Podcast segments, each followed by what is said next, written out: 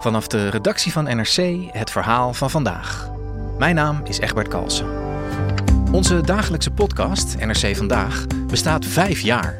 Elke werkdag praten we je in 20 minuten bij over het verhaal van de dag. En vanaf nu kun je ons ook in het weekend horen met iets nieuws. Elke zaterdag brengen we een extra bijzonder audioverhaal. Luister NRC Vandaag nu, iedere dag in je favoriete podcast-app. Een geallieerde soldaat die geen schuilplek heeft. Een jonge, bange nazi-soldaat en een vrouw uit het Franse verzet die neergeschoten piloten redt. Exact 80 jaar geleden, op die day, begon de bevrijding van Europa in Normandië. In Radio Oranje volgen we deze drie hoofdpersonages en wat zij beleefden op die ene dag. Luister de D-Day special nu via podimo.nl slash Radio Oranje en probeer Podimo 30 dagen. If you had one of your aides here, pick up the phone and call Beijing and say Dr. Kissinger would like to speak with President Xi, would he take your call? There's a good chance that he'd take my call, yes. If a president were to come to you and say, Henry, would you fly to Moscow and talk to Putin? I would be inclined to do it, yes. Dit is Betrouwbare Bronnen met Jaap Jansen.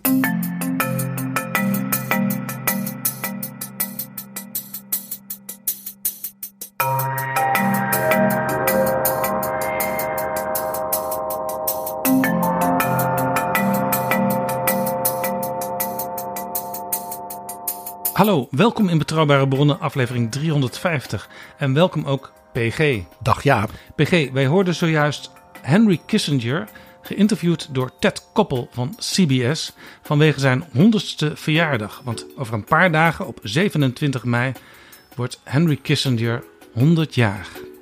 Still going strong. Ja, hij mag dan een eeuw oud worden deze week, maar hij werkt nog de hele dag. I work about 15 hours a day. En een van de dingen die hij de afgelopen dagen deed, was aanwezig zijn op de Bilderberg-conferentie in Lissabon. Waar ook uit Nederland bijvoorbeeld premier Rutte aanwezig was en Sigrid Kaag. Maar bijvoorbeeld ook de baas van ASML, de baas van Shell. En ook internationaal echt hele grote namen. Eh, bijvoorbeeld Jens Stoltenberg.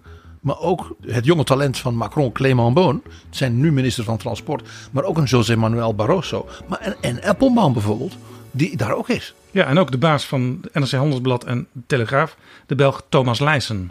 Ja, dus dat is een soort bijeenkomst waarin, nou ja, zeg maar de wereldelite gewoon eens met elkaar een lang weekend, eh, ook met de benen op tafel.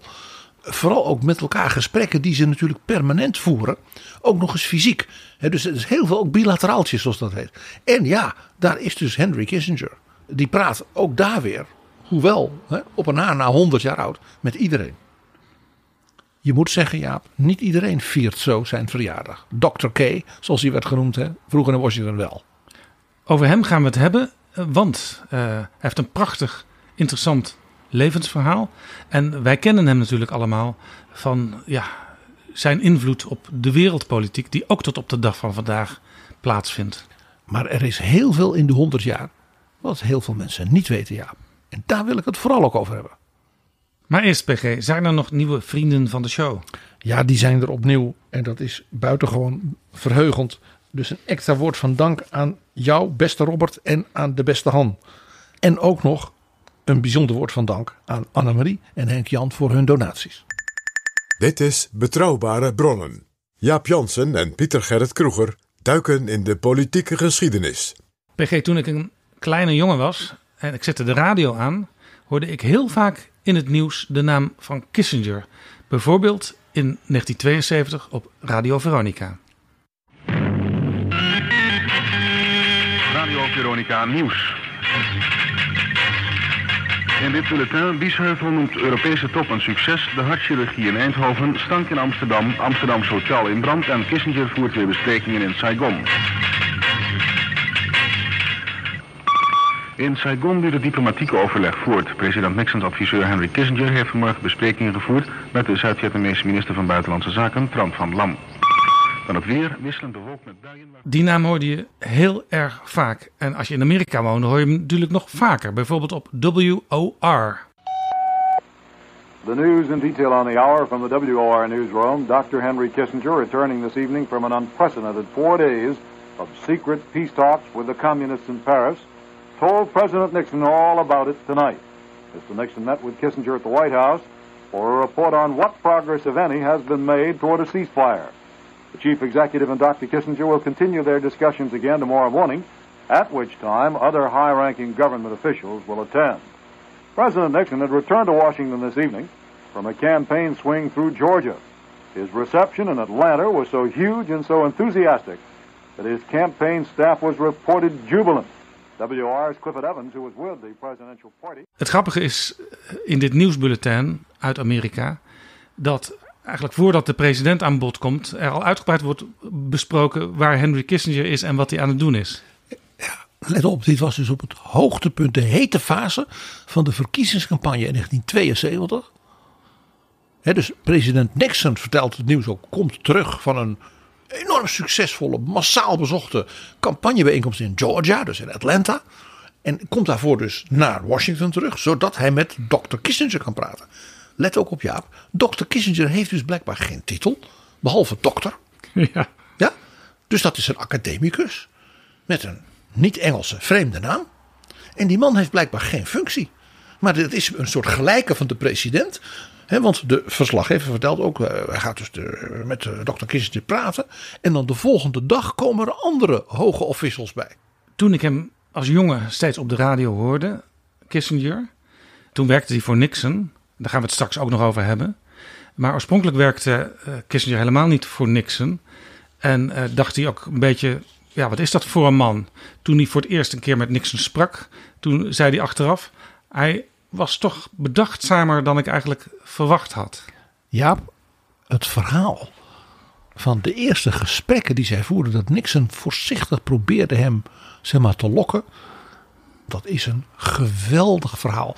Vol merkwaardige misverstanden. Die ook heel veel zeggen over de persoonlijkheid van zowel Richard Nixon als Henry Kissinger. Henry Kissinger was absoluut geen Nixon-man. Niet in de jaren 50 en ook niet in de jaren 60. Nee. En het was dus een grote verrassing dat hij werd gevraagd voor die hoge functie op het Witte Huis als National Security Advisor. Ja, dat was heel verrassend. Want Kissinger zat eigenlijk in het kamp van Nelson Rockefeller, die een aantal keren probeerde president van Amerika te worden. En nog in juli 1968 noemde Kissinger Nixon the most dangerous of all men running to have as president. Om vervolgens een soort Siamese tweeling met die president te worden. En dus ook op een heel bijzondere manier de ondergang van deze president en zijn triomfen daarvoor mee te maken. PG Kissinger werd 100 jaar geleden geboren in Duitsland. In Franken, dus het noordelijke, meer protestante, dus niet katholieke deel van Beieren, in het stadje Fürth. En het stadje Fürth is zeg maar een soort kleinere stad, even voorbij Nuremberg. Dat was de grote stad. En ja, 1923, als ik je vertel, we hebben aan het begin van dit jaar eh, ook in onze podcast over dat jaar verteld in Duitsland. Het was het jaar van de grote inflatie. Dat al het geld niks meer waard was. Het jaar dat het Roergebied werd bezet door Belgische en Franse soldaten om Duitsland te dwingen tot herstelbetalingen die in het verdrag van Versailles waren opgelegd. En het was het jaar in november dat in Beieren een lokale politicus met hulp van generaals en eh, allerlei troepen een putsch pleegde. Adolf Hitler in de hoop vanuit München de macht in Berlijn over te nemen tegen de Weimar-republiek. 1923. En daar in dat jaar werd in Fürth geboren Alfred Heinz Kissinger. Ja, een Joodse familie. Vader was leraar, moeder was huisvrouw. Ja, zijn vader was een, een echte klassieke Duitse leraar van het meisjesgymnasium, het Joodse meisjesgymnasium in Fürth. En was dus echt wat wij zouden zeggen, dus het Bildungsbürgertum. Dus waarin onderwijs en leren en je best doen. Eh, eh, en ook daarbij de behorende soberheid en aandacht voor literatuur en voor kunst van groot belang was. De familie Kissinger, want zo heten ze, eh, was Joods. En een deel van de familie dacht tien jaar later, in 1933, wij vertrekken uit Duitsland. Ja, grote delen van de familie Kissinger, Kissinger ja, zijn vertrokken. Onder andere dus naar Palestina, zoals het toen nog heette. En velen ook naar Amerika. Maar niet vader Louis Kissinger. Want die had zoiets van: ik kan toch die kinderen, die school niet in de steek laten. Dat is ook iets wat we in heel veel levensgeschiedenissen van Duitse Joodse families eh, als historici lezen. Dat idee, je laat als het ware je land, je taal, je cultuur, maar ook dus je geloofsgemeenschap, de mensen waar je mee leeft, die laat je in de steek door een avontuur in een ander land te gaan doen. En natuurlijk nog iets wat toch bij heel veel mensen leefde. Zo erg zal het toch wel niet worden. Ja, die Hitler die schreeuwt wel. Maar Henry, toen dus nog Alfred Heinz, was een, ja, eigenlijk een hele gewone jongen. Hij kon best goed leren op school, maar hij vond het allemaal niet zo vreselijk belangrijk. Hij had maar één ding. En het was een enorme enthousiaste en fanatieke voetballer. As a boy, I was my father's uh, despair because he thought I should concentrate on the higher things in life, like opera. And I thought I should go to the soccer field in the town where I was born in, uh, in southern Germany. De wanhoop van zijn vader, de leraar, hè, dat zijn oudste zoon niet naar de opera ging, maar wel naar het voetbalstadion. Ja, Hij mocht als jongen op een gegeven moment ook het stadion officieel niet meer in. ja hij wou naar zijn club. Dat was de Sportgemeinschaft Greuter Fürth. En dat was een heel succesvol team. In de, zeg maar, de Duitse voetbalcompetitie. Ze werden zelfs af en toe nationaal kampioen. Ja, dus hij wilde naar de wedstrijden. Maar als Joodse jongen, na 33 kwamen er dus momenten dat hij, dat dus Joodse kinderen en andere Joden, oh, men mocht steeds minder in het publieke leven. Joden niet erwünscht, Ja. stond er dan. Soms kroop hij door het hek om toch binnen te komen. Tuurlijk, je bent een eh, eigenwijze jongen, je bent een scholier. En dan werd hij natuurlijk gesnapt. En dan werd hij in elkaar geslagen door de Hitlerjugend. En dan kwam hij thuis dus met builen en wat dan niet. En zijn vader die was dan weer van, "Waar- waarom doe je dat nou? We worden nog een keer opgepakt. Want die vader, dat was natuurlijk een volwassene. Die dacht, die wilde jongen, die tienerzoon van me. Ja, die wil gewoon zijn voetbalwedstrijd. En ach, als, hield hij nou maar van opera. Was hij nou maar serieus. Ja, Dan deed, maar bracht hij ons niet in gevaar. op een bepaald moment kwam toch eh, het besef, eh, ook bij vader Louis en moeder Paula, Vooral moeder Paula. wij moeten weg. Moeder Paula had een neef in New York. En blijkbaar was er toch wel zo intensief overleg geweest in de familie. dat die neef zei: Ik zal de formele verklaring die ik in Amerika moet afgeven. want zo werkte dat. dat als die familie uit Duitsland naar Amerika komt. dat ik zal zorgen voor hun levensonderhoud. Want je kon dus niet als een soort vluchteling je melden. ik zal maar zeggen in het ter apel van Amerika van die tijd. en te zeggen: van ja, ik vraag om asiel. Zo werkte dat niet in Amerika in de wetgeving toen. Dus de familie of iemand anders moest voor jou garant staan. En dan mocht je komen. Ook weer, daar waren aantallen, dus dat was allemaal beperkt. Maar die neef heeft dus dat overgehad voor Paula en voor haar man en kinderen. En in de loop van 1937, dat er ging natuurlijk eindeloos veel bureaucratie omheen, werd dus dat emigratieverzoek ingediend. Vlak voor de kristalnacht. Dus ze zijn echt op de valreep gered. Zijn ze dus geëmigreerd naar Engeland. En vanuit Engeland met een korte tussenstap naar New York. Dus naar die neef die had gezorgd dat er een dak boven hun hoofd was en dergelijke. Want de kristalnacht, dat was het moment waarop alles dicht ging, waarop je het land niet meer kon verlaten. Ja, bij de kristalnacht was het zo dat dus alle ja, Joodse firma's en mensen die nog een baan hadden, dus eh, ja, in stukken werden geslagen. Dat de, de synagogen in, in brand werden gestoken en dergelijke. En vanaf dat moment eh, was het bijna niet meer mogelijk eh, te emigreren.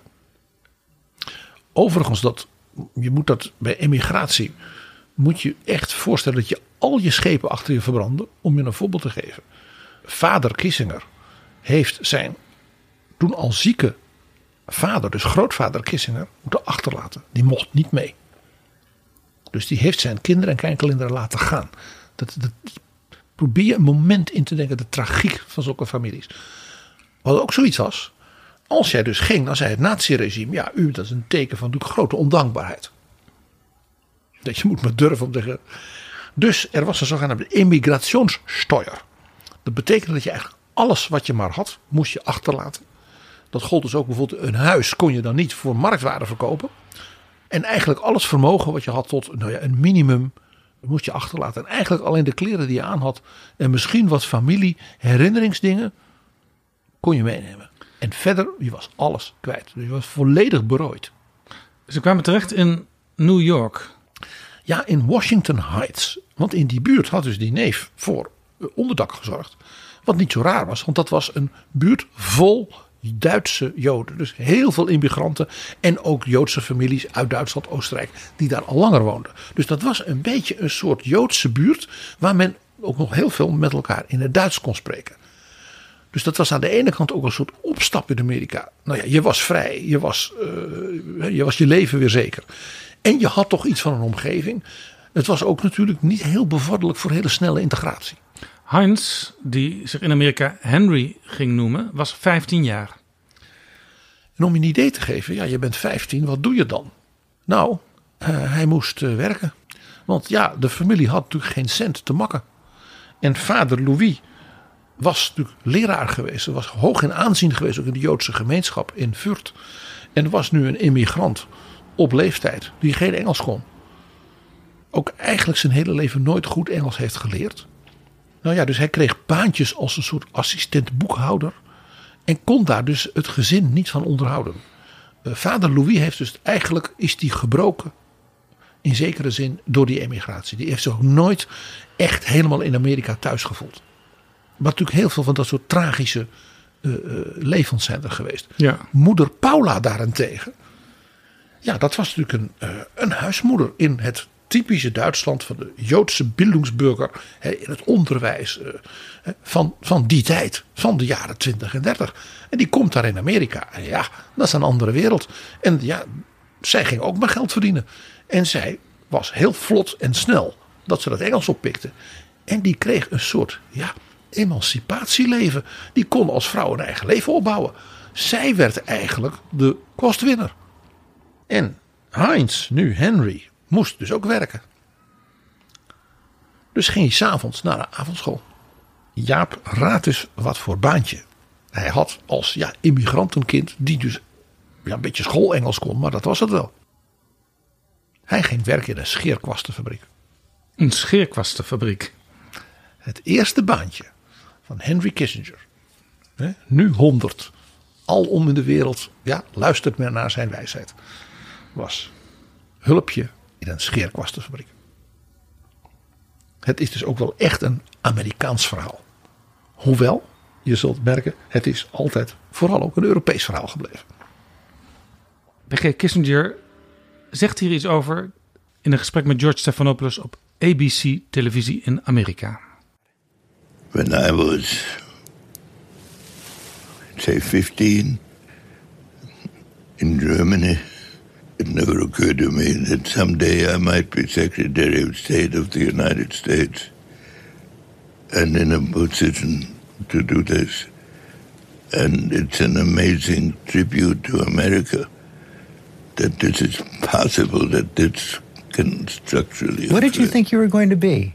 I was a member of a discriminated minority, so it did not lend itself to career thinking. And then Survival. when I came to the United States, I had to work in a factory for financial reasons. If anything prepared me for it, it is having lived through chaos, then having lived through the war, and having seen very complex and dangerous situations, and to develop the conviction that it was an extraordinary fate and therefore obligation to do the best I was capable of doing. When students ask me today, how can you plan your career to get? My answer is do the best you can in something about your, which you are really convinced. And don't plan too much because there's so many accidents along the way and so many unpredictable. Het is opvallend, want Kissinger heeft eigenlijk in zijn hele leven nooit zo heel veel gesproken over zijn jeugd in Duitsland. Behalve de spannende verhalen over zijn voetballiefde. En een beetje dus een, ja, een wild jongensbestaan. En er nooit zoveel over gehad. En nu ineens dat besef. Ik was een jongen van een gediscrimineerde minderheid. Dus ik moest geen enkele droom hebben. Ik geef even een cijfer. Toen in 1933 de nazi's aan de macht kwamen in Furt, woonden daar 2000 Joden. In 1945 waren er 40 die het hadden overleefd. Kissinger staat bekend om zijn reaalpolitiek. Dat heeft misschien ook wel hiermee te maken. Uh, al die ellende die je al jong om je heen ziet in je leven. Hij heeft in een ander interview een keer gezegd van... Ik was in New York in een heel nieuw land. In een nieuwe cultuur, in een andere taal. En ik was een tiener die 95% van alles wat hij had geleerd en meegemaakt... in een soort schipbreuk achter zich moest laten. Ik lees voor. When I was a boy, coming to America was a dream, an incredible place where tolerance was natural and personal freedom unchallenged. Seeing a group of boys walking down the street, I began to cross the, to the other side to avoid being beaten up. And then I remembered where I was. Dus hij hoefde eigenlijk niet meer bang te zijn voor zo'n groep jongens, want ze waren niet van de Hitlerjugend. Ze waren net als hij Amerikaanse jongens. En dat was dus letterlijk en figuurlijk, dat moest je aan wennen. En hij groeide dus op in een gezin waar hij merkte dat zijn vader dat niet meer echt kon. Terwijl hij zag hoe zijn moeder een soort nieuw perspectief, een nieuw leven ontwikkelde. Kissinger heeft er dus ook zelf ook langer over gedaan. In dat opzicht misschien wel een beetje zijn vader. Tot, vreemd genoeg, de oorlog begon. Dat is vrij snel al, hè? want uh, geboren in 1923, met 15 jaar geëmigreerd naar Amerika. Dus met 18, Pearl Harbor. Maar toen was hij nog te jong. En hij was geen Amerikaans staatsburger. Hij was nog altijd dus een, een vluchteling. Dus hij werd ook niet automatisch opgeroepen om te gaan dienen? Dat is pas in 1942 gebeurd. Want ja, ze hadden gewoon mensen nodig en jonge mensen nodig. En dus toen heeft hij die avondschool onderbroken. Let op, we hebben het hier dus over een jongen die zijn schoolopleiding heeft moeten onderbreken om soldaat te worden. Dat is niet een verhaal waar je meteen aan denkt bij deze Duitse briljante geleerde, want dat is natuurlijk het beeld wat later en terecht van hem ontstond. Dus hij werd ja, gewoon soldaat. En de US Army heeft altijd gezegd: Ik ben een Amerikaan geworden in dat leger. Want ja, hij was een Joodse jongen uit New York. En hij zat in de Midwest. En er waren jongens uit de Midwest. En er waren jongens uit het zuiden. En er waren overal vandaan. En ja, uh, hij ontdekte dat hij dat leuk vond. En dat ze hem leuk vonden, want hij had humor. En uh, hij bleek ook wel uh, ja, een soort ja, vrienden te kunnen maken. Ja, hij, hij werd dus echt Amerikaan daar, naar zijn idee. je kon altijd nog horen, en dat is tot op de dag van vandaag dat hij met een zwaar accent toch oorspronkelijk ergens anders vandaan kwam. Ja, maar hij ontdekte dus dat hij niet de enige was. Want dat gold ook voor die Ier en voor die Pool en voor die Italiaan. De US Army is de melting pot geweest voor hem. Die hij dus in die wat meer beschermde Joodse vluchtelingenbuurt in Washington Heights dus niet had meegemaakt. En toen kwam, wat voor veel jongens destijds gold, die in het leger terechtkwamen, de reis naar Europa. En wat een reis, ja. Dat is een verhaal uit het leven van Kissinger waarvan ik denk dat niet veel mensen in Nederland dat kennen. Hij kwam aan op het strand van Normandië, kort na die day. Heeft ook verteld dat het strand helemaal vol lag met alleen maar kapotte wagens en dingen. Hij zegt waar je kon zien hoe zwaar er gevochten was. En belandt in het zuiden van België op het moment dat het Ardennenoffensief begint. Dus dat was heel hard vechten. En dat was een enorme confrontatie met dus de gewelddadigheid van de oorlog. En ook van de niet te stuiten oorlogsdrift van het nazileger. Ja, want het idee was een beetje op die day dan gaat het snel. Maar dat Ardennenoffensief, dat is nog heel zwaar geweest. De periode in die winter van 44 aan de grens met Duitsland daar weten wij natuurlijk niet zo heel meer van, want het is voor ons de hongerwinter, zeker dan voor het westen van het land. Maar bijvoorbeeld rond steden als Aken en in de, de Elzas en Saarland, natuurlijk ook vaak heel veel bossen en heuvels waren, daar is enorm gevochten. Ja. En, en, en uh, België en ook uh, Breda, Den Bosch, Nijmegen, die waren bevrijd. Ja. En zo kwam de soldaat Henry in een van de allereerste op de grens van Duitsland en het westen liggende steden die dus waren veroverd. En dat was het stadje Krefeld. Dat is waar onze gast in Betrouwbare Bronnen enkele keren, Otto Frieke, lid van de Duitse Bondsdag, woont en uh, volksvertegenwoordiger is het is in de het Bondsdag. Kies, het is het kiesdistrict van onze FDP-gast Otto Frieke. En er zijn dus erg leuke foto's, die kun je, op, uh, zeg maar, kun je googlen, van Henry Kissinger, die dan als beroemde naam dan terug is in Kreefveld. En daar dus zich zijn handtekening zet in het gouden boek van de stad en dergelijke. En dan denk je, waarom? Nou, ja, de Amerikaanse troepen veroveren dus Kreefeld. Dus daar wordt gecapituleerd en de, de nazi-troepen trekken natuurlijk verder vluchten naar het oosten. En ja, toen was de de bezetter. En het was natuurlijk een puinhoop, want er was geschoten en gebombardeerd. Dus er moest iets gebeuren om de stad Kreefveld, ja, de, de, letterlijk en figuurlijk de waterleiding, de vuilnisophaal, het leven moest weer, ja, niet door de nazi's geregeerd, dan maar door Amerikaanse soldaten. Ja, dus het tijdelijk bestuur moest worden opgezet. En dat moest dus die Duitsers zien te spreken, waarvan je zegt, nou die waren misschien geen nazi, die zou je misschien de nieuwe stadsbestuur kunnen maken. Dan had je ook wel iemand nodig die goed Duits kon. En je raadt het al. Heinz Henry werd gevraagd om te helpen bij het op poten zetten van het nieuwe civiele bestuur van de stad Krefeld. Binnen een week had hij een complete reorganisatie. Hij had dus mensen gevonden, uh, oude SPD'ers die uh, zeiden van ja, ik ben nooit partijlid geweest. We hadden zelfs een soort geheime club. En mensen uit de kerken en mensen uit de vroegere vakbonden. En die heeft dus een stadsbestuur gemaakt. En dus die Amerikaanse soldaten uitgelegd wat ze moesten doen om de zaak weer te laten lopen. En er was dus weer een min of meer ja, regulier dagelijks leven aan het ontstaan.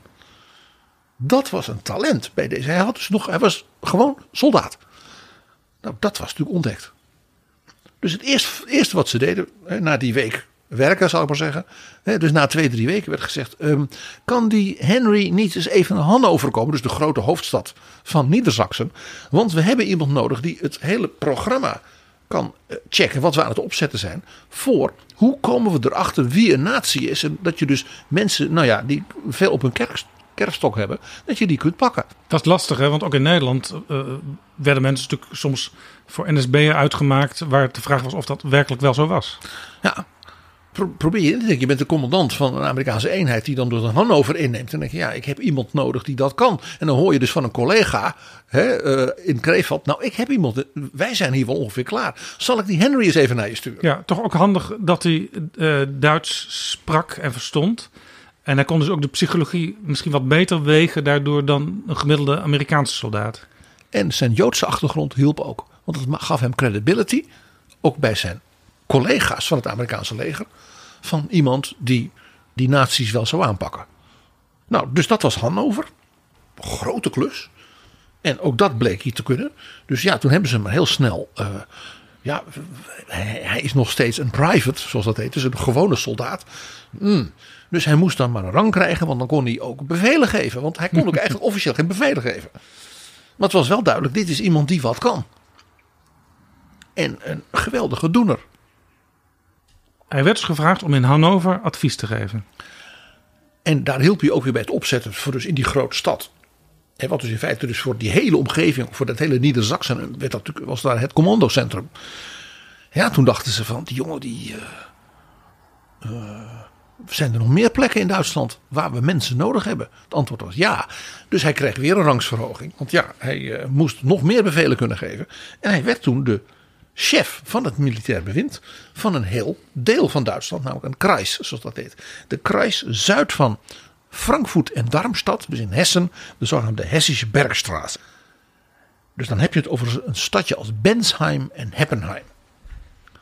Dat is en, ook de plek waar veel wijn wordt geteeld. Ja, de Hessische Bergstraße is een beroemd wijngebied. En dat wordt ook wel de Deutsche Riviera genoemd. Vanwege dus de zon. En je hebt dan het Odenwald, wat daarachter ligt. Dat houdt als het ware de uh, uh, donkere wolken tegen. En het ligt dus in, in de Rijn. En de zon schijnt er prachtig op. Dus je hebt heel veel fruitbomen en wijn en dergelijke. En ja, daar moest Henry dus. Het, in feite was hij daar een soort bovenburgemeester.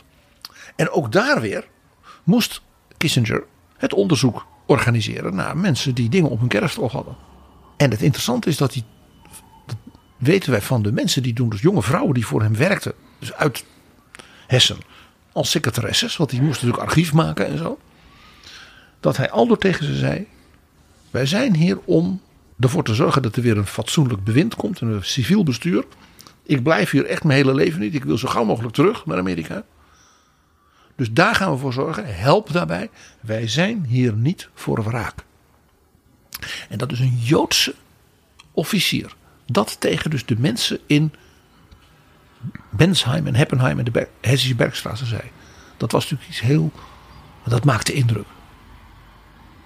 En zo werd dus ja, van grond af aan ja, volstrekt in alle opzichten ook moreel geruineerd land. Er weer de eerste stappen gezet naar een normaal leven een civiel bewind.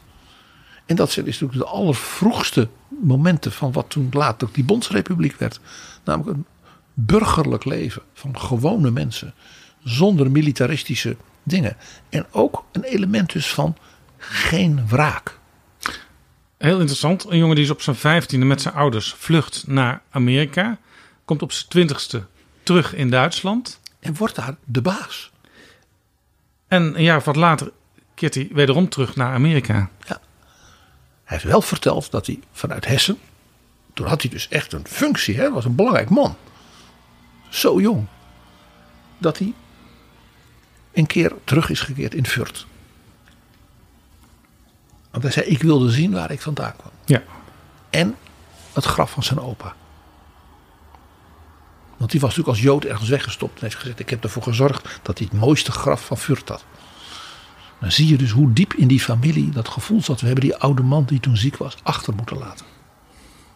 En hij ging naar een voetbalwedstrijd van zijn club. Dus op dezelfde plek waar hij vroeger als jongetje werd weggestuurd of uh, werd neergeslagen. Ja, en nu zat hij daar op de tribune als een kapitein van de US Army, waar iedereen voor salueerde. En hij heeft het prachtige verhaal verteld. Hij zegt: een van de redenen waarom zijn team Furt eh, zo goed was, was dat de fans, dus hij zelf ook, nogal wild waren. Er waren nog een soort hooliganachtige kant. Dus alle scheidsrechters waren altijd erg bang en floten dan maar voor Furt. Dus het waren allemaal thuissluiters. Was gewoon corruptie dus. Ja, ze wilden ook weer levend wegkomen. Kissinger heeft aan een uh, Amerikaans tijdschrift over de Tweede Wereldoorlog het volgende verteld over dus het einde daarvan. En dat hij als officier van de US Army naar het stadion van Furt ging, naar zijn club. Hij zei, ja, zei hij, Furt verloor de wedstrijd. En ja, dus die scheidsrechter werd door de hooligan aanhang, let op, dat was hij zelf dus ook geweest, in elkaar geslagen. Want ja, dat deden we in Furt nou eenmaal. En de Duitse politie, ja, die deed niks, want die was dat gewend in Furt. Dus toen kwam de Amerikaanse military police en die hebben die uh, scheidsrechter gered uit de handen van die hooligans. En de vent die naast mij zat op de tribune, die schreeuwde toen: Is dat de democratie die jullie hier komen brengen? Om daar te kunnen zitten in dat stadion, waar de wet had verboden dat je daar naartoe mocht. Dat was nu mogelijk door wat hij zelf ook had gedaan, schrijft de auteur van dat ding. Ja, het maakt het zelf mogelijk dat je dus een grap vertelt omdat je hebt overleefd over de stad waar je bent geboren. En het maakte Kissinger op een bepaalde manier tevreden. Hij zei: Ik ben meestal niet een beetje arrogant of erg tevreden met mezelf. Maar toen in Furt was ik dat wel. Af en toe hoor je in betrouwbare bronnen een advertentie, maar vaak ook niet. En dat is jammer, want we hebben graag meer adverteerders. Want ook daarmee houden we betrouwbare bronnen online. En als jij nou werkt bij een organisatie of een bedrijf waarvoor het misschien best nuttig kan zijn om bij ons te adverteren, neem dan contact op. En je bereikt via betrouwbare bronnen heel veel jonge mensen met grote maatschappelijke politieke belangstelling. En natuurlijk de decision makers van Nederland en in Brussel. Stuur een mailtje aan adverteren.darrenacht.nl en dan neemt de reclameafdeling van Betrouwbare Bronnen, ja ja, neemt dan contact met je op. Adverteren,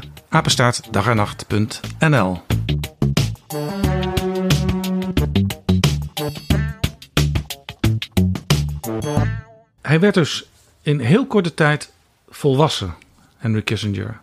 En toen kwam hij weer terug in Amerika. En toen was er inderdaad een andere Henry. Dit was niet meer de jongen van de scheerkwastenfabriek. Ja, met een vader die moeizaam kon aarden en een moeder die het wel interessant vond allemaal.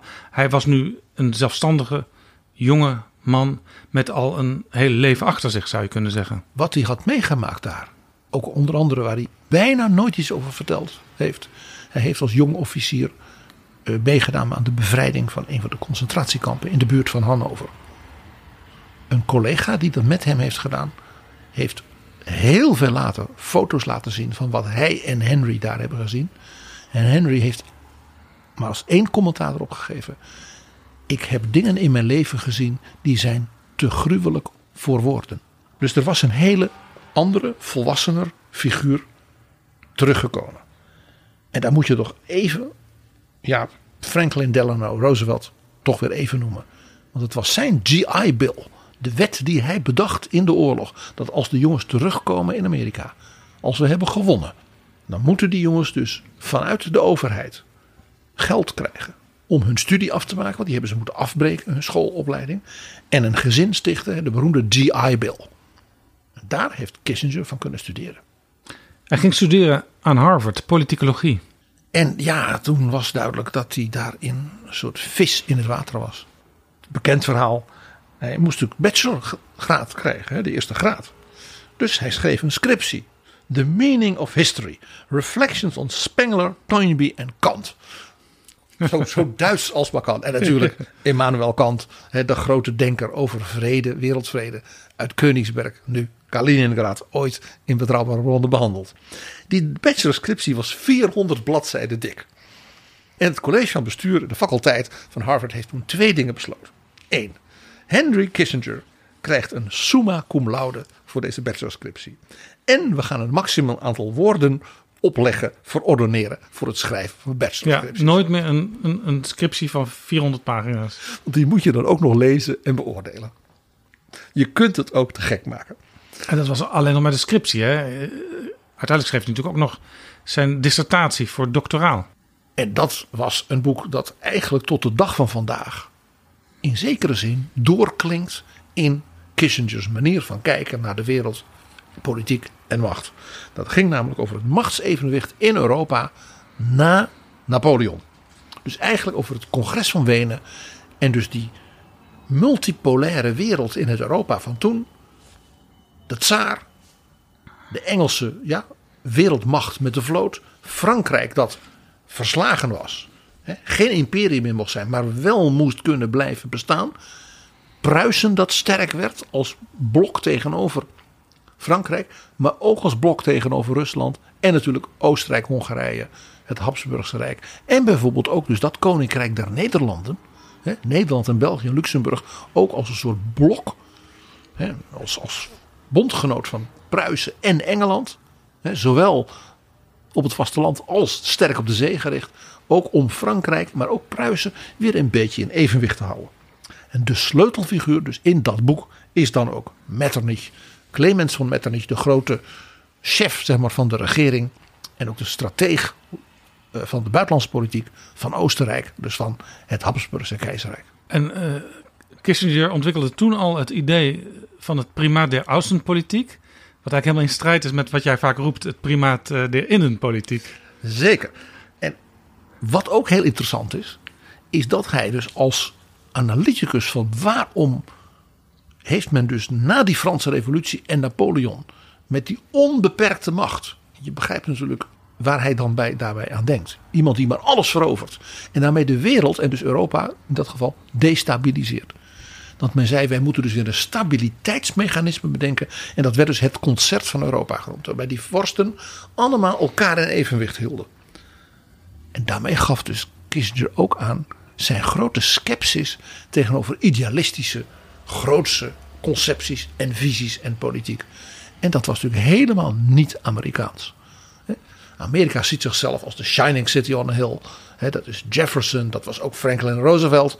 Kissinger was daarom ook eigenlijk dus geen democrat. Hij had een ongekende bewondering voor FDR, ook voor Truman. Maar dat politieke idealisme, daarvan had hij zoiets van...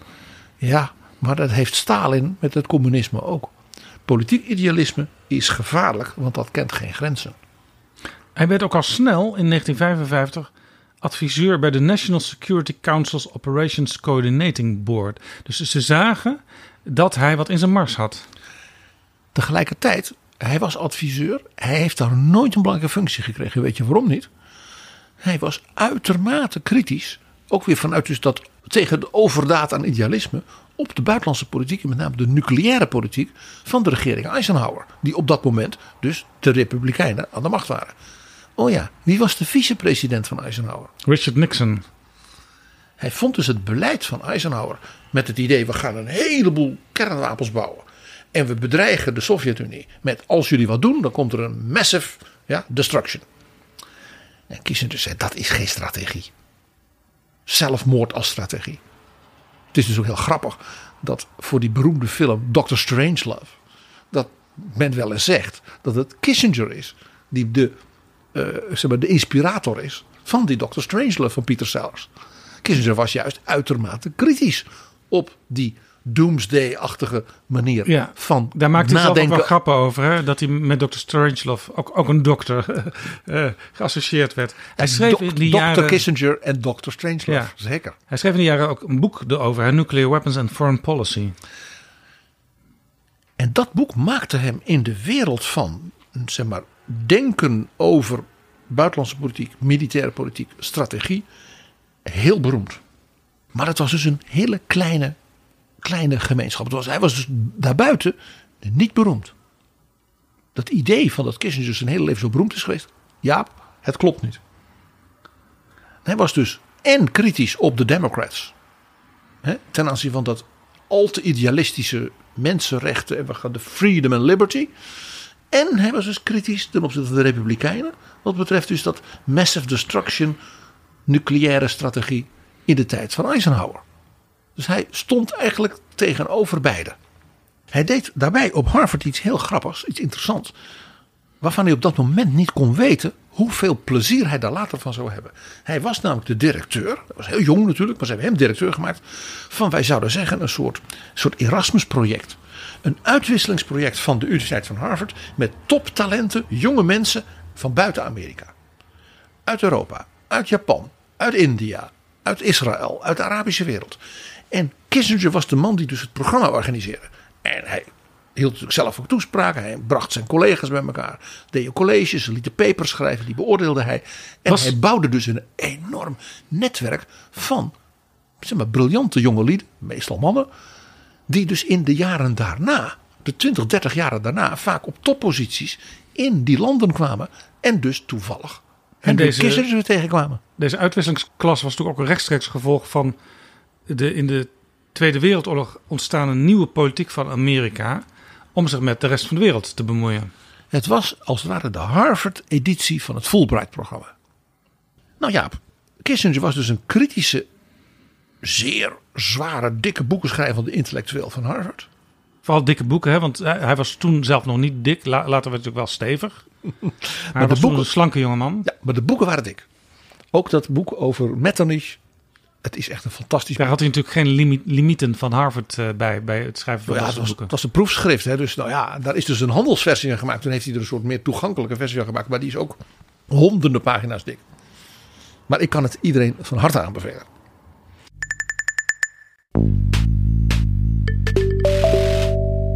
Dit is Betrouwbare Bronnen, een podcast met betrouwbare bronnen. Nou ja, 1960, eh, president Eisenhower eh, kan niet opnieuw president worden. En dan komt dus die verkiezing, die toch echt werd gezien als de nieuwe generatie treedt nu aan. Waaronder natuurlijk die nog steeds toen zeer jonge vicepresident, acht jaar lang. Richard Nixon. Richard Nixon. En tegenover hem de jonge senator van Massachusetts, John F. Kennedy. En Kissinger, die dus geen democrat was, had dus meer sympathie voor zeg maar, de meer oostkust intellectuele elite van de Republikeinen. Wij zouden nu zeggen de familie Bush. Ja. Die kant van de Republikeinse partij, waarvan je nu het idee hebt dat die bijna verdwenen is. ja, dat was dus ook de familie Rockefeller. En daar was de familie Rockefeller in eh, New York. Ja, dat waren David Rockefeller, die was ook een enorme mecenas voor kunsten en universiteiten en dat soort dingen. En natuurlijk Nelson Rockefeller, eh, die zeer politiek was. Eh, bijvoorbeeld gouverneur van de staat New York. En ja, als je dat was, dan, ja, dan was je net als gouverneur van de staat Californië. Denk aan Ronald Reagan. Ja, dan was je eigenlijk wel voorbestemd om toch het een keer te proberen. In om president te 1960 worden. wilde hij ook president worden. Maar dat was dus het jaar waarin uiteindelijk Richard Nixon de vicepresident het werd. De, de kandidaat voor de. Republikeinen. Dus Nelson Rockefeller die heeft geprobeerd of er voldoende zeg maar, mensen in die partij waren die zeiden: ja, die Nixon. Ja, we willen een moderner iemand, eh, wat, eh, ja, wat meer statuur.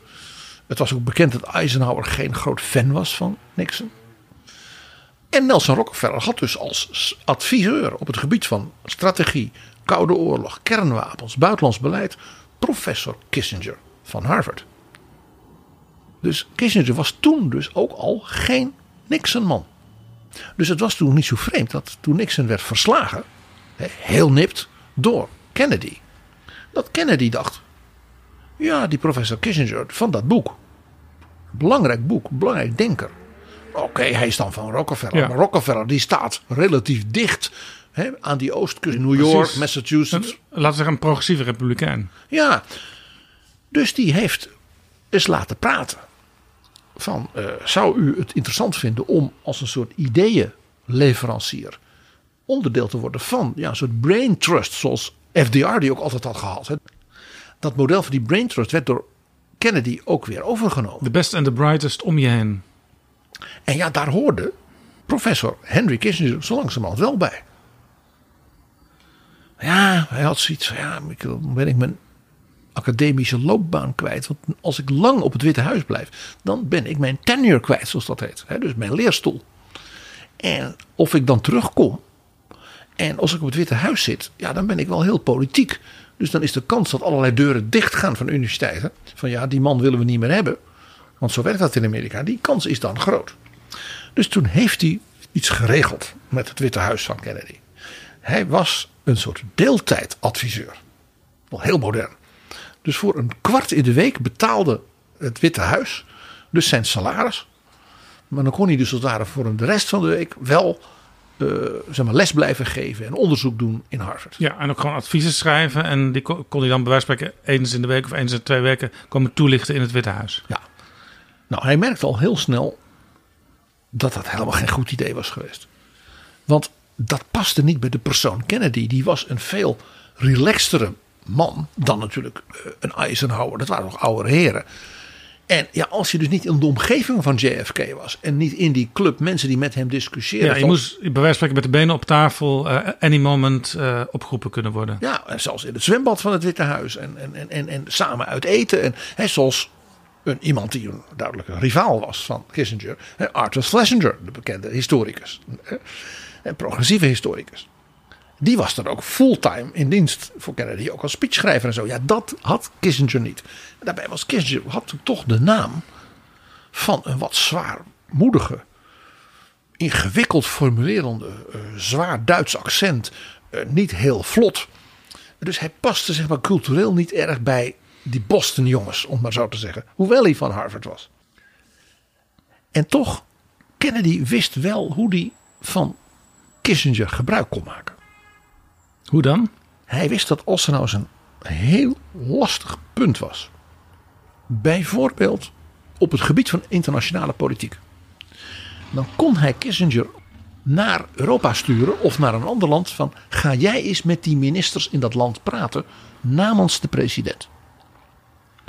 Luister naar ze, praat met ze, schrijf een memorandum, doe mij verslag. Kom eventueel met eigen ideeën van ik heb naar ze geluisterd. Misschien zou u het zo kunnen aanpakken, Mr. President. En dan ging Kennedy dat wel met zijn eigen mensen vervolgens kijken wat daarmee kon. En daar heeft zich iets heel interessants voor gedaan. Hij heeft namelijk Kissinger naar Bonn gestuurd. En jij weet wie er in 1961 in Bonn natuurlijk de grote baas was. Konrad Adenauer. De toen toch wel hoogbejaarde Konrad Adenauer. En Adenauer en Kennedy, dat lag elkaar helemaal niet. Adenauer vond Kennedy een lichtgewicht. Natuurlijk enorm generatieverschil ook. Enorm generatieverschil. Hoewel beide zeer katholiek. En toen werd die muur gebouwd in Berlijn. En Kennedy zei: Ja, wij gaan daar geen oorlog voor voeren. Dat is heel vervelend. We zorgen er wel voor dat West-Berlijn min of meer beschermd blijft. En ja, dat die Khrushchev die mensen in die DDR daarmee opsluit, dat is heel vervelend. En dat Adenauer van de kook is, ja, dat begrijp ik. Maar wij gaan niet ingrijpen. Dus Adenauer voelde zich natuurlijk verraden. Zo hard lag het wel. Dus wat deed Kennedy? Die stuurde professor Henry Kissinger naar Bonn. Want hij wist van Adenauer dat Adenauer Kissinger kende. Want wat was er gebeurd, Jaap? Kissinger had dus dat enorme dikke boek geschreven over nucleaire wapens en buitenlandse politiek. En Adenauer die heeft dus toen laten melden in Harvard: ik wil met die professor praten. Want die denkt na over dat soort dingen, anders dus dan de regering Eisenhower. In 1958 is dus Kissinger in Bonn. Hij is toch toevallig voor een aantal lezingen in Europa en is dus gast van Adenauer. Je zag dus Adenauer al nadenken. Straks is Eisenhower weg. Die Nixon is weg. Dat beleid is weg. Deze professor heeft nieuwe ideeën. Ik wil met hem praten. Ja. Hij was misschien wel heel oud, Adenauer, maar hij was niet dom. Kissinger heeft in zijn schitterende boek Diplomacy, dat hij heeft gepubliceerd in 1994. Ik vind dat zijn allerbeste boek, dat kan ik zeer aanbevelen. Geschreven over het gesprek wat hij dus toen had met de stokoude Adenauer over zijn boek over kernwapens. Kissinger beschrijft dat Adenauer tegen hem zei: Ja, het is heel goed dat u dus nadenkt over dat vraagstuk van die kernwapens. Want ja, wat we nu hebben, hè, dus in feite de situatie zoals onder Eisenhower, dat gaat voorbij. U maakt als Amerikanen bovendien een hele grote denkfout. U denkt dat dus die dat communistische wereld, dat is één groot blok. China, Rusland, dat Oostblok één groot blok. Groot gevaar. Adenauer zei: Ik voorspel u, dat beeld is nu al achterhaald. Het kan tussen China en Moskou nooit goed blijven gaan. En als westerse denkers, hij bedoelt dus iemand als Kissinger en de mensen na Eisenhower in het Witte Huis, nou maar op tijd hebben nagedacht. Ik hoop dat de westerse landen, de democratieën, klaarstaan voor die fase die nu gaat komen, zodat ze daar voordeel van kunnen hebben. Want dan moeten we als westerse landen alert op zijn en dan dus China en de Sovjet-Unie tegen elkaar uit kunnen spelen. Interessant, want het beleid van Kissinger toen hij eenmaal uh, voor Nixon ging werken als nationaal veiligheidsadviseur en daarna als minister van Buitenlandse Zaken, uh, was nou juist ook het uiteenspelen van China en Rusland. En dat deden ze door met beide landen, met China en met Rusland, contacten aan te knopen en uit te bouwen. Kissinger schrijft in 1994 over dit gesprek met Adenauer. Een dergelijke manier van denken had ik nog nooit gehoord. En ik geloofde er helemaal niks van. Adenauer moet mijn verbijsterde stilte, terwijl hij dit vertelde, hebben geïnterpreteerd als dat ik daarmee instemde. Want drie jaar later was hij op bezoek bij Kennedy. En heeft toen dit verhaal tegen Kennedy gehouden. En zei hij, Mr. President, zal ik u eens stellen. Uw adviseur, professor Kissinger, daar heb ik daarmee gepraat. Die zit het helemaal met mij eens. Ja, terwijl hij waarschijnlijk alleen maar een beetje zat te knikken. Maar het is dus wel eh, in feite de grote lijn geworden van het beleid dat Kissinger daarna zelf ging toepassen voor Nixon. Kennedy met de typische humor van JFK heeft na dat gesprek met Adenauer een klein memootje gestuurd naar Kissinger. Met de mededeling: het is misschien een goed idee. En ik zou het ook erg op prijs stellen. als u uw geopolitieke inzichten. die u deelt met de kanselier van Duitsland. ook met mij zou delen. Kissinger heeft 19 boeken geschreven. Zijn laatste boek, Leiderschap, zes strategieën van wereldleiders uit de 20e eeuw, is een half jaar geleden verschenen. En daarin eh, beschrijft hij ook een gesprek met Adenauer. In 1967, toen Adenauer al vier jaar met pensioen was. Dat is dus vlak voor zijn dood geweest. Dus Adenauer was toen in de 90. En toen zei Adenauer tegen Kissinger: Denkt u dat ik nog steeds geloof dat jullie ons onvoorwaardelijk zullen beschermen? Ik geloof niet dat enige Amerikaanse president onder welke omstandigheden dan ook een kernoorlog zal riskeren ten behoeve van Berlijn. Dit was dus wat Adenauer in die jaren wel had geleerd. Je kunt er nooit helemaal zeker van zijn. Maar Waar- waarom dus Kennedy Kissinger naar Adenauer in Bonn had gestuurd na de bouw van de Berlijnse muur. Omdat Adenauer toen de conclusie trok: Amerika zal ons als het puntje bij paaltje komt in de steek laten. En daarom dat Adenauer vanaf dat moment dus zo heel sterk zei: als de Gaulle en ik niet één lijn trekken en dus een soort gezamenlijk gaullistisch Europa gaan maken, dan gaan we eraan. Want op die Anglo-Saxen, hè, zou de Gaulle zeggen, kun je niet vertrouwen. toch, eh, in datzelfde gesprek zei Adenauer dat de NAVO, het Atlantisch Bondgenootschap, eh, nog altijd van enorm belang is voor Duitsland. Want, zei Adenauer, wat ons beschermt is dat de Sovjetleiders zelf niet zeker kunnen zijn van dit element van twijfel. Oftewel, ik hecht aan de NAVO en de band met Amerika, omdat die Sovjets geloven dat jullie zullen doen wat ik niet geloof. Precies. In dat gesprek van Kissinger en Adenauer op last van Kennedy na de bouw van de muur, heeft dus Kennedy keurig gedaan wat de president hem had opgedragen. Jij moet die stokoude Adenauer indringend ervan overtuigen: wij zullen u nimmer in de steek laten. U kunt op ons rekenen. Met heel veel argumenten. En dat kon Kissinger natuurlijk heel goed. En Adenauer heeft hem toegehoord. En toen heeft hij gezegd: Dr. Kissinger. Voor hoeveel procent van uw tijd werkt u tegenwoordig voor het Witte Huis?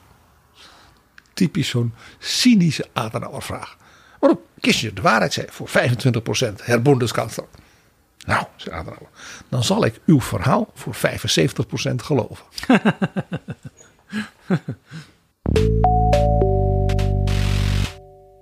Hij was dus een soort adviseur op afstand geworden van JFK.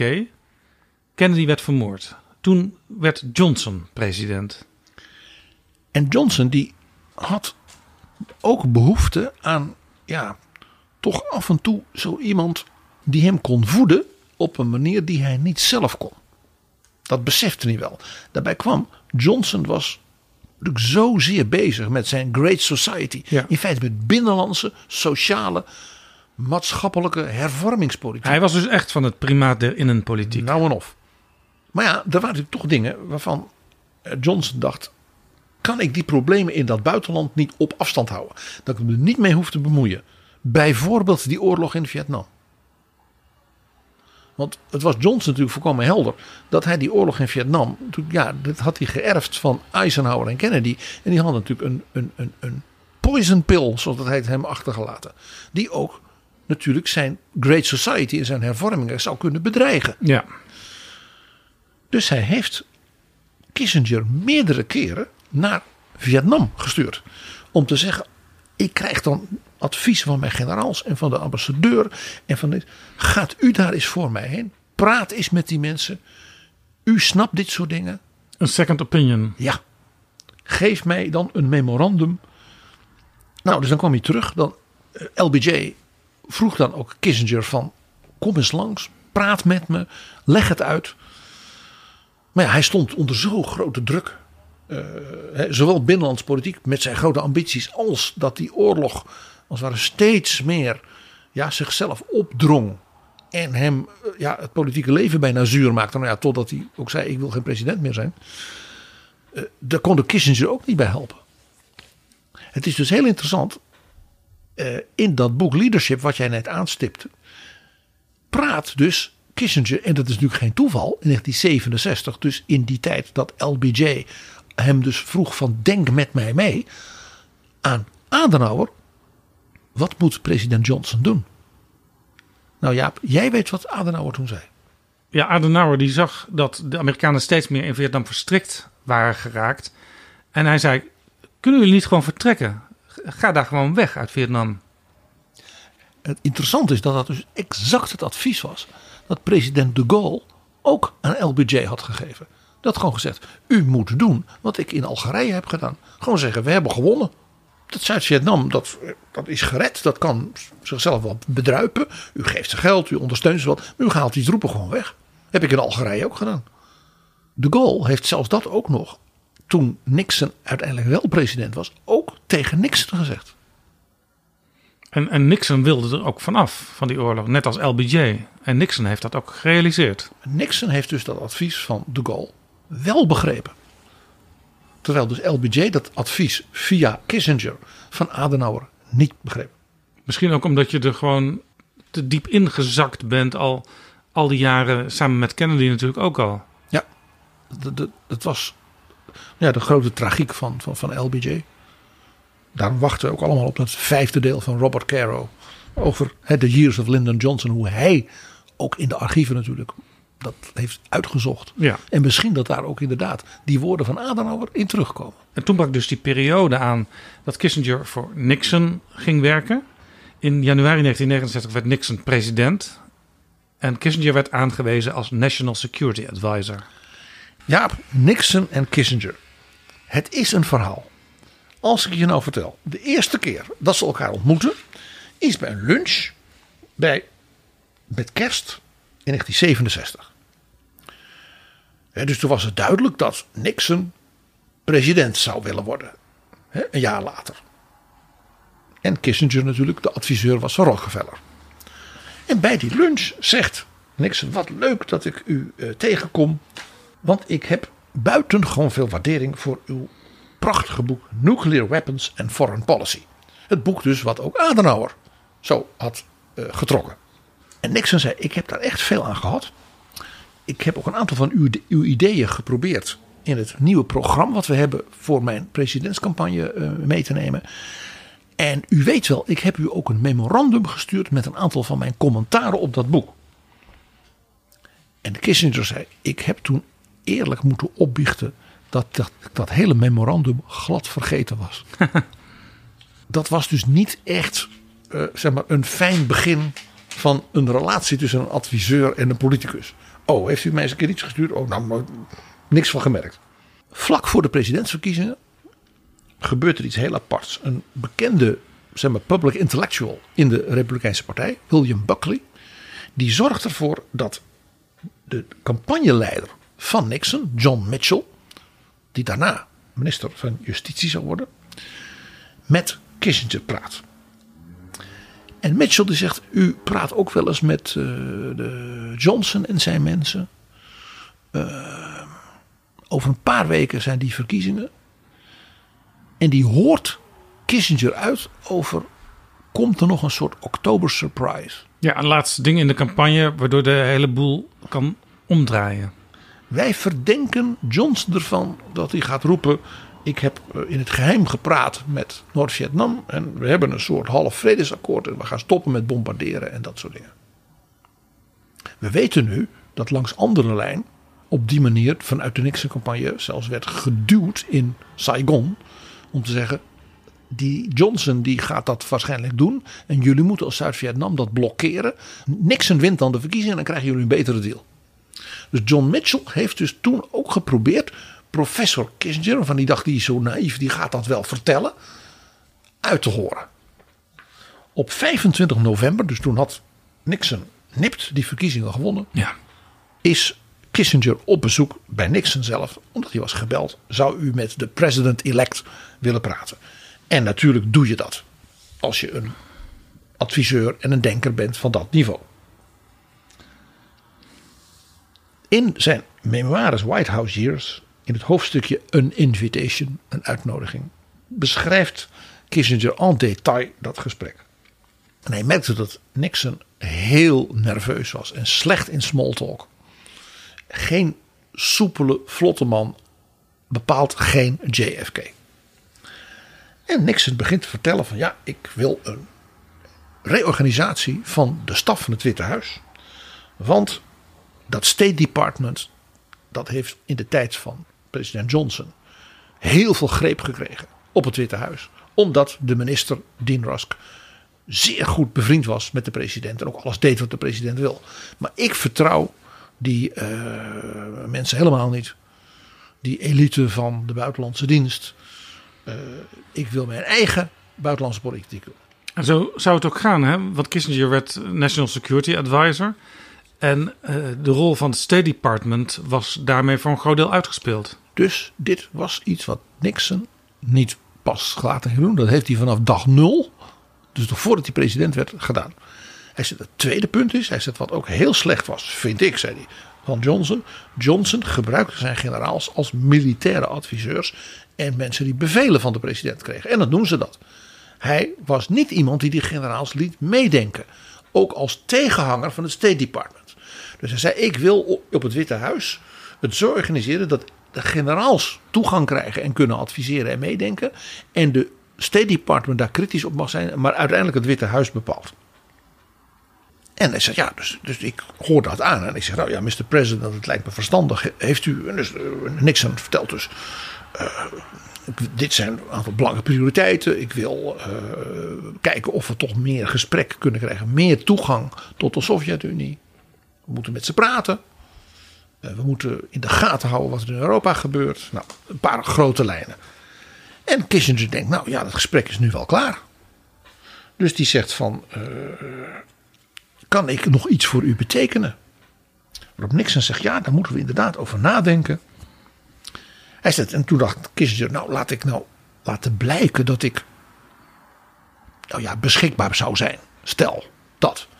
Dus Kissinger heeft toen gezegd, nou ja, als u nou governor Rockefeller een baan zou aanbieden in uw regering, dat is een belangrijk man in uw partij, Nixon zo knikken, dan ben ik wel bereid om bijvoorbeeld de chef-staf of de, de, de, de, de, de, centrale adviseur van Rockefeller te worden als lid van uw kabinet. In die memoires schrijft Kissinger zo heerlijk cynisch.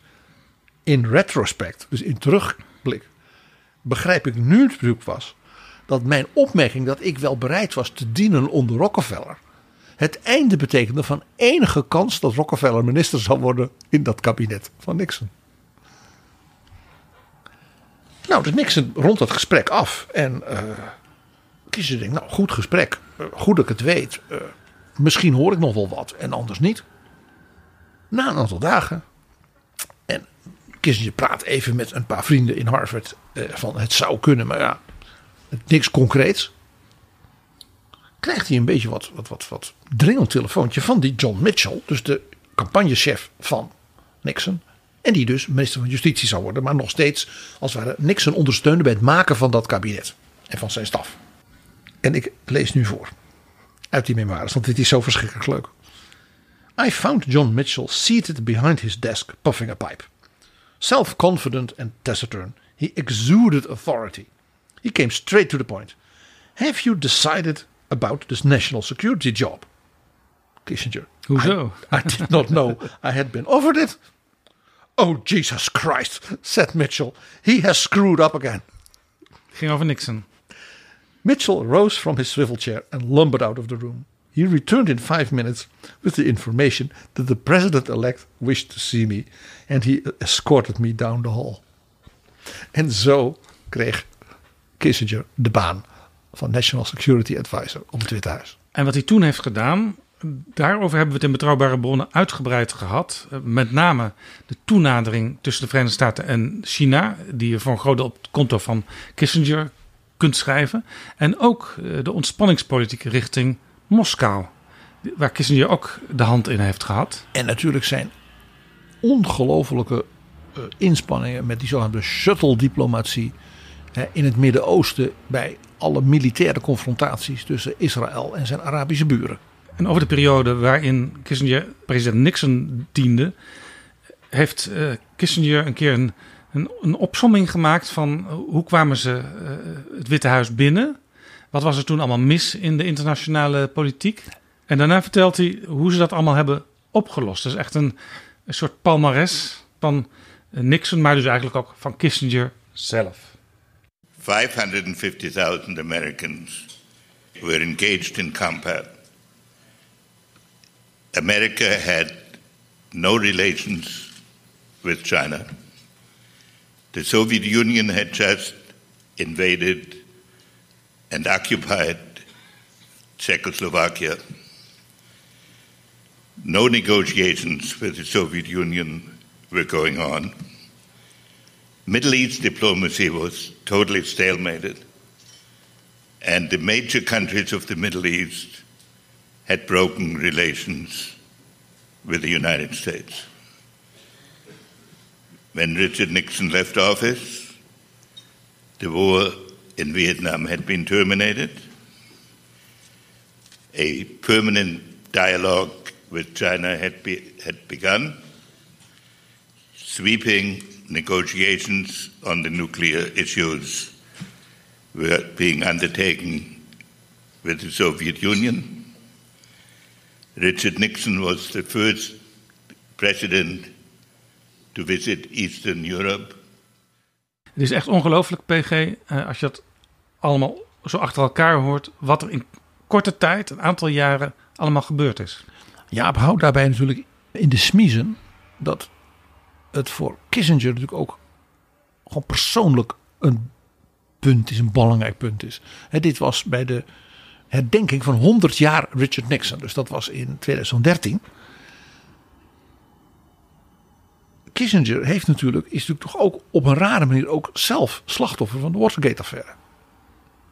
Want hij heeft natuurlijk met Nixon ja, die enorme hoeveelheid dingen gedaan. Maar daar zal natuurlijk voor de eeuwigheid die doem op blijven zitten. Van ja, de minder mooie kanten van de regering van Nixon. En de ondergang van Nixon. De Watergate-affaire, het inbraak in het campagnehoofdkwartier van de tegenpartij, de Democraten. Dat was natuurlijk een, een ultiem voorbeeld van innenpolitiek. Ja. Binnenlandse politiek. En, en, en Kissinger was met het buitenland bezig. En een voorbeeld van normloze vergeten dat je als het ware ook moet proberen het land een beetje op een nette manier uh, vooruit te helpen. Ja, je zou kunnen zeggen een perverteerde vorm van realpolitiek. Ja, en die realpolitiek van Kissinger werd dus daarmee natuurlijk ook besmet, om maar zo te zeggen. Een paar dingetjes over dus deze bijzondere periode om nog even aan te stippen. Je merkte dus al dat Kissinger zowel onder Kennedy als onder Johnson dus duidelijk gewaardeerd werd. In die rol als strategisch adviseur. Maar volstrekt niet bekend verder buiten de kleine kring in Harvard en Washington. Nixon wou dat graag zo houden. Kissinger was in feite een hoge ambtenaar op het Witte Huis. Hij was nooit in de media. Dat was zelfs een soort opdracht van de nou ja, PR- en communicatiestaf van het Witte Huis. Henry mag nooit op televisie. Want die kleine, dikke professor met die dikke brillenglazen en dat onverstaanbare Duitse accent. Dat zal in Middle America, bij dus de gewone, de silent majority kiezers van Nixon, volstrekt niet begrepen worden. Terwijl uh, internationaal juist Kissinger als charmante en wereldwijze man uh, heel erg welkom was. Hij mocht niet op tv. Dus dat beeld achteraf, hè, dat is dus beeldvorming hè, achteraf. Wat jij ook vertelt dat jij in je jeugd alle dagen Kissinger op radio hoorde. Dat is maar geweest in de periode zeg maar 1972, 73 tot ongeveer 1975. Dat is een jaartje of drie geweest. Ja, ja dat was juist toen ik uh, een jochie was. Ja, maar dat is heel interessant. En altijd de radio aan had staan. Precies die periode. Pas na dat Nixon dus in China was geweest, in Moskou was geweest, die triomfantelijke herverkiezing had gehad, was dus Kissinger een begrip geworden. Dat werd hij nog meer in zeg maar 1973 en 1974. Want toen heeft Nixon hem minister van Buitenlandse Zaken gemaakt. En waarom was dat? In feite als een levensverzekering tegen Watergate. Zo van, ja, maar die, die, die Kissinger die is onmisbaar. Die, die, die leidt de Amerikaanse buitenlandse politiek in die woelige wereld. Die zorgt voor die samenwerking met Mao. Eh, die treedt op in het Midden-Oosten en beperkt die oorlog daar. Het komt tot wapenstilstand. Hoe meer dus Nixon Kissinger op een voetstuk zette, hoe meer Nixon dus vooral bezig was met zijn eigen overleven. Na het aftreden van Nixon werd natuurlijk vicepresident Gerald Ford de president. En Kissinger werkte ook voor hem. Die hield natuurlijk Kissinger als minister ook weer vanuit diezelfde levensverzekering gedachte. Gerald Ford was niet gekozen door de Amerikanen. Die was een accidental president. Ja? Dus die zei: nee, maar de buitenlandse politiek van Kissinger, die houden wij vol. Dat is belangrijk. Maar toen kwam dus zowel van de linkerkant, vanuit de Democraten, als vanuit de rechterkant in de Republikeinse Partij, juist het verzet naar boven tegen die detente. We zijn wel heel soepel naar de Sovjet-Unie. De Sovjet-Unie is maar aan het herbewapenen. Want die hebben allemaal olie en gas en dat verkopen ze aan de Europeanen. En daar kopen, maken ze nog grotere raketten van. SS-20's en wat dan niet. Dus onder Ford begon al eigenlijk het afbrokkelen van die detentpolitiek. Omdat Ford gewoon het gezag niet had. Wat Nixon nog wel had tot Watergate. En het is dus ook geen toeval dat na Ford we twee presidenten kregen van de typische idealistische stroom. Waar natuurlijk Kissinger weinig van moest hebben. Ja, namelijk Carter. En Reagan. Reagan was van de anti-detente. Dat Reagan daarna met Gorbachev de grote vredesvorst werd. Moet niet doen vergeten dat Reagan de man van de herbewapening was. En dat Carter dat ook was. Ja, Carter ja. was van de mensenrechten, waarvan Kissinger zei heel belangrijk, maar daar, moet je, daar kun je geen buitenlandse politiek op, op voeren. En Carter was ook van de, de neutronenbom. Dus Kissinger is eigenlijk na de ondergang van Nixon en het ook ja, het uiteindelijk ja, niet slagen van president Ford, heel lang in feite buiten de lijnen geweest. Hij heeft ook altijd geweten dat Ronald Reagan hem nooit zeg maar, een baan zou geven en zou terugroepen. Ja, en, en, en toen werd het dus uiteindelijk Kissinger Associates, een, een adviesbureau, uh, waar uh, allerlei premiers en presidenten. Uh, Bedrijven. Voor en na hun werkzame leven ook nog regelmatig op bezoek komen. Onder andere Mark Rutte. En het zijn dus vaak grote bedrijven. Denk ook een hele grote hedge funds banken en dergelijke, die dus Kissinger Associates inhuren voor zeg maar, strategisch advies. Hoe gaan wij om met nou ja, de nieuwe ontwikkelingen in China? Hoe gaan wij om met uh, uh, de ontwikkeling van het bankwezen in Oost-Europa? je moet aan dat soort dingen denken. En Kissinger gebruikt natuurlijk zijn netwerk uh, om met al die wereldleiders te praten. Dat vindt hij natuurlijk ook gewoon leuk. En hier speelt natuurlijk toch nog iets. En dat is ook wel, ja, daar zit ook weer die tragiek die ook in Kissinger zit. Toen hij klaar was bij president Ford in 1976, kon hij natuurlijk niet meer terug naar Harvard. Zijn leerstoel was hij kwijt. En ja, wat er natuurlijk gebeurd was in Vietnam. Denk ook aan de inval in Cambodja. En wat dan niet. Had natuurlijk de naam van Kissinger als de, de maat van Nixon. Natuurlijk in die meer linkse academische hoek ernstig beschadigd. Dus men wilde hem ook niet meer terug hebben. En hij wilde ook niet meer terug naar hen. Want dan zei hij, dan moet ik overal voortdurend gaan vertellen dat ik het fout heb gezien. En dat ik excuses moet maken. Dan had hij geen zin in, om het even heel hard te zeggen. Dus hij heeft een tijdje, geloof bij de Georgetown University een soort college-reeks gegeven. Maar ook daar kreeg hij in feite niet echt een leerstoel. En daarom dat hij dus in 1982, toen het hem dus ook duidelijk was dat ook Reagan vanuit dienstpolitieke lijn hem niet zou vragen dat hij dus ja, dan maar Kissinger Associates is begonnen. Ja, en wat later herinneren sommige Nederlanders hem ook nog wel, zeker als ze abonnee waren van de Volkskrant, als regelmatige columnist in die krant. Want hij schreef wereldwijd een column die dan in Nederland door de Volkskrant werd gebracht. Wat wel op zich wel opmerkelijk was, een redelijk linkse krant met uh, deze man van de reaalpolitiek. Maar ja, je had wel een goeie. En jij zegt hier dus iets ja, wat ik dus een belangrijk punt vind, ook voor onze luisteraars. Kissinger is dus altijd, dus ook tegenover Carter en Reagan, een man geweest van het woord realpolitiek, dus van Metternich, van Bismarck, van het evenwicht multipolair in de wereld. En niet van dat idealisme van Amerika is de nummer één en wij zijn straks, hè, toen na de val van de Sovjet-Unie, dan is Amerika de ene grote superpower. Kissinger heeft daar altijd voor gewaarschuwd. Hij heeft gezegd dat is een illusie. Dat is dus niet realpolitiek. Dat is idealisme, dat is mooi. Maar idealisme is ook gevaarlijk.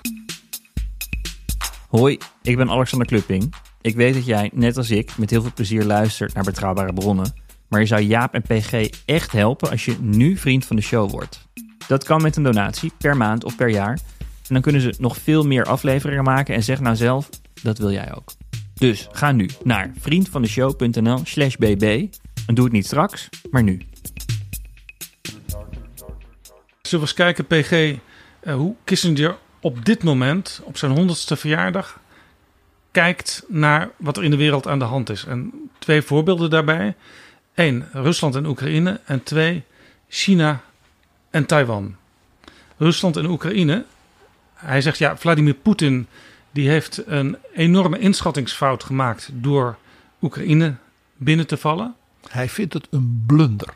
Ik was altijd tegen het idee dat Oekraïne lid zou moeten kunnen worden van de NAVO. Maar ja, door wat er nu is gebeurd, eigenlijk door de omstandigheden die nu zijn geschapen door die enorme blunder van Poetin, eh, zeg ik ja, de NAVO zal Oekraïne in elke omstandigheid moeten beschermen. En als dat kan leiden tot het lidmaatschap van de NAVO, ja, dan, dan is dat zo.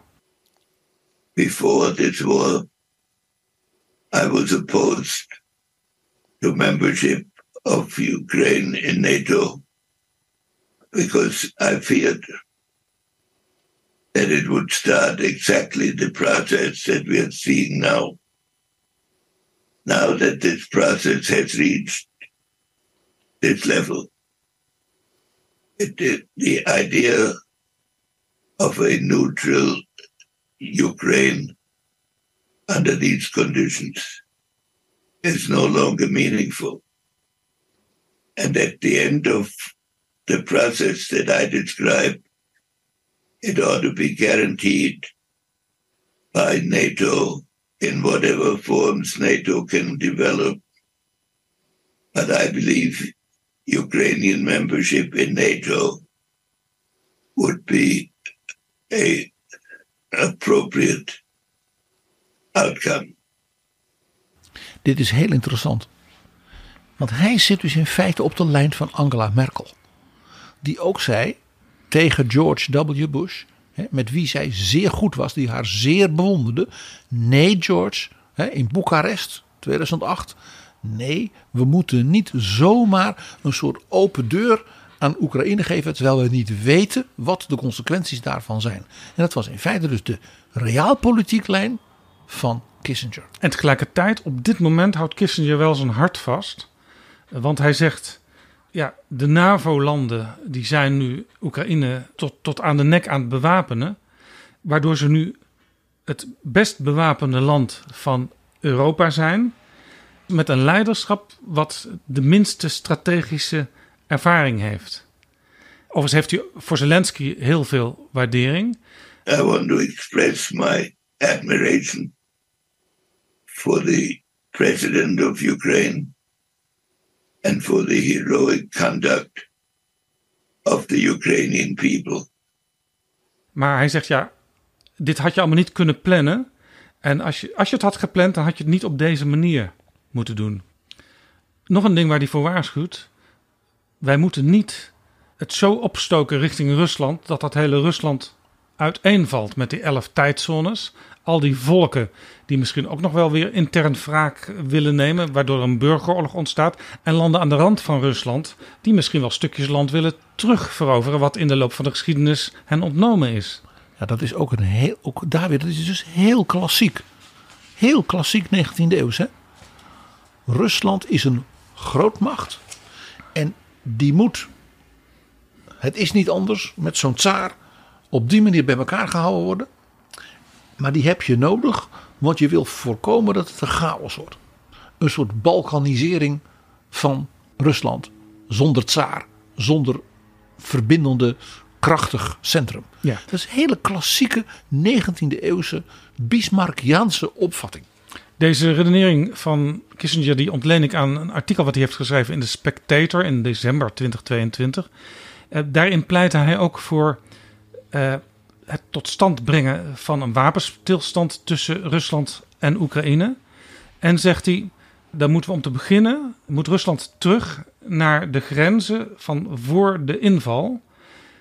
En daar bedoelt hij niet mee dat de Krim moet worden verlaten. En ook niet dat uh, de oostkant waar ze al zaten moet worden verlaten. Nee, eerst, eerst moeten we terug naar de datum van februari 2022 van die inval. En dan daarna kunnen er onderhandelingen gaan plaatsvinden. En daar moeten wij natuurlijk als wereldgemeenschap een rol bij spelen. Uh, om te kijken hoe we dat met de Krim en dat andere stuk gaan doen. Uh, Kissinger heeft zelfs er echt gedetailleerd over na zitten. Het is alsof hij bijna zijn handen wrijft van ik wil wel weer een shuttle-diplomatie doen hè, tussen Kiev en uh, het Kremlin. Zo van, nou ja, wat zou kunnen is dat je bijvoorbeeld dan die haven van Sebastopol, dat daar de Russische vloot ja, zijn positie in de Zwarte Zee kan behouden. En dat dat als ware een soort extraterritoriaal deel van Rusland kan worden. En dan de rest van de Krim uh, een soort uh, met Oekraïne verbonden zelfstandige regio wordt. Het is natuurlijk precies wat hij probeerde tussen, ik zal maar zeggen, Golda Meir en Assad en Sadat uh, in de jaren zeventig bij het uit elkaar vlechten van die legers. Van oké, nou jij trekt je daar terug, jij een beetje daar en hebben we een gedemilitariseerde zone. En je ziet, hij is dus nog altijd op die reaal-politische manier zijn creativiteit aan het loslaten op dat soort wereldconflicten. Ja. Het zit in het beestje en hij kan het niet loslaten. En dit is ook zoals hij naar de relatie met China kijkt. Want hij vindt het erg gevaarlijk, zoals de Verenigde Staten onder Trump en ook nog steeds onder Biden op dit moment naar, naar China kijken. Hij zegt zelfs, we zitten in een klassieke uh, vooroorlogssituatie. En dan heeft hij het over Wereldoorlog 1. Ja, hij zegt Amerika, het Westen en China zijn een beetje in 1910. Ja, dat zegt hij deze week in een lang interview in The Economist, waarvoor The Economist acht uur lang met hem gesproken heeft. Nou ja, hij werkt ook 15 uur per dag, hè? Ja, en hij zegt: we moeten oppassen dat we dat rondom Taiwan niet zo op de spits drijven dat er, dat er geen uitkomen meer is. In Amerika hebben we altijd gezegd: er is één China, de één China-politiek. Tegelijkertijd hebben we Taiwan wel geholpen een bloeiende economie ervan te maken. En een democratisch stukje Azië. Een succesvol land. Dus dat kan samengaan. Dat is dus echt weer super uh. Maar weet je nog, hij zat erbij toen de oude Mao tegen Nixon zei: Ach, Taiwan, ach. Weet u hoe de Chiang Kai-shek mij noemt? Een bandiet. Waarop Nixon heel slim zei: En hoe noemt u hem? Een bandiet, zei Mao toen. Hij zei: Weet u, president Nixon, ik ben al veel langer een oude vriend van Chiang Kai-shek. Namelijk al uit de jaren 20 en 30 tegen Japan. Dan Amerika een vriend van Chiang Kai-shek is. Die zit daar nou op dat eiland. Nou ja. En Mao zei: Laten ze daar 100 jaar zitten, we zien dan wel. Nou, die manier van denken van Mao hoor ik dus nu opnieuw en nog steeds van Kissinger. Ja, en er is dus een belang voor Amerika om in dialoog te blijven met China. En dus meer gesprek dan er op dit moment plaatsvindt. Want dan kun je ook dat Taiwan-probleem dempen. En ik ga zeggen, Jaap. Ook hier hoor ik dus weer Angela Merkel. Dit was de lijn van Merkel ook altijd als de nummer 1 van Europa richting Xi Jinping. Dat ze zei: Ik ga er dan zo twee keer per jaar heen. Maar ik wil, en natuurlijk is ook in het Duits economisch en Europees economisch belang, maar ik wil met de Chinese leiding in gesprek blijven. En als je kijkt naar de verhouding China-de Verenigde Staten, daarover zegt hij in The Economist: beide kanten die hebben zichzelf er langzamerhand van overtuigd dat de ander een strategisch gevaar voor de wereldorde betekent. En dat is op zichzelf al een enorm gevaar dat ze zo over elkaar denken. Dus hij zegt: de mindset moet als het ware terug naar Metternich en Bismarck en Kissinger. De Chinezen zijn niet uit op werelddominantie in de Hitleriaanse uh, manier van spreken. Uiteindelijk zijn de Chinezen uh, nog altijd meer Confucius dan Marx. Dat is dus een enorme discussie. Dat is een enorme discussie. Daar, daar krijgt Kissinger ook onmiddellijk heel veel kritiek op. Dat men zei, dit is de Kissinger van de jaren 70. Die dus geïnteresseerd was in die wijsheden van Zhou Enlai en Mao. En later ook van Deng Xiaoping. Maar onvoldoende zag dat gewoon keiharde Stalinisten zijn. En nog één heel interessant ding, PG. Zeker omdat wij er recent ook al een paar keer over gesproken hebben. Kissinger ziet één eh, nog veel groter gevaar eigenlijk voor de wereldvrede dan alleen die eh, relatie tussen China en de Verenigde Staten die zich niet goed ontwikkelt. Eh, want er gebeurt namelijk op wereldvlak nog iets anders, wat je volgens Kissinger kunt vergelijken met eh, de atoombom. En dat is de ontwikkeling van artificial intelligence, kunstmatige intelligentie. Want, zegt hij, even los van alles waar wij nu over praten, ChatGPT en zo.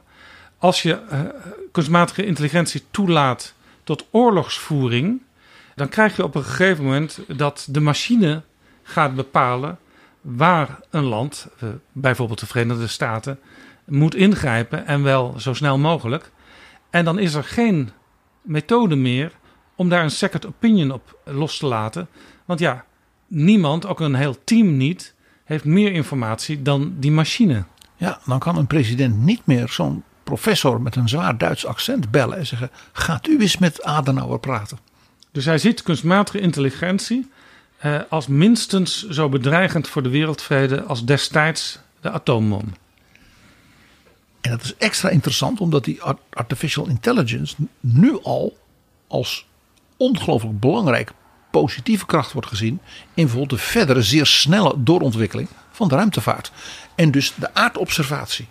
Dat je dat allemaal nog veel preciezer en intelligenter zou kunnen doen. En dat is natuurlijk waar.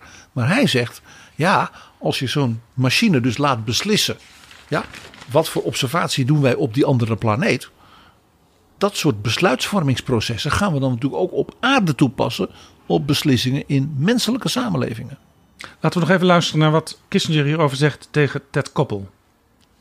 in relying on the answer, we cannot double check it because we cannot review all the knowledge that the machine has acquired. We are giving it that, that knowledge. But this will be one of the big debates. I am now trying to do what I did with respect to nuclear weapons to call attention to the importance of the impact of this evolution. But you know there will also be an artificial intelligence arms race. Yes, but it's going to be different because in the previous arms races, you could develop plausible theories of how you might prevail. It's a totally new problem intellectually.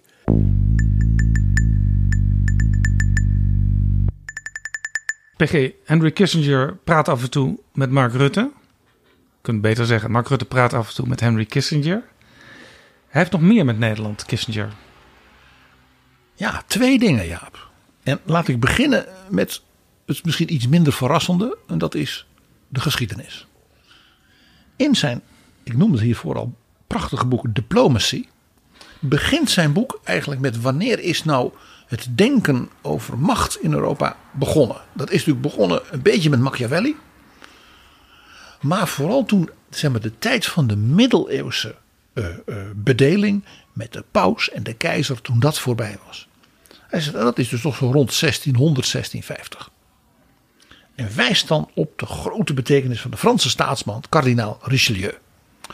Hij zegt, die bouwde dus Frankrijk op tot de nieuwe dominante macht op het vasteland. Hij zegt, en daar kwam natuurlijk een tegenhanger tegen. En dat was Engeland. Hij zegt, en wie was de eerste echte Britse strateeg die dat zag en dus een coalitie maakte die dat Frankrijk in de greep probeerde te houden. En dat was een Hollander. William. King William hè, en Queen Mary van de Glorious Revolution. In Nederland Willem III genaamd. En hij zegt, die blokkeerde dat uiteindelijk Lodewijk XIV die strategie van zijn leermeester en de rechterhand van zijn vader Richelieu kon voltooien.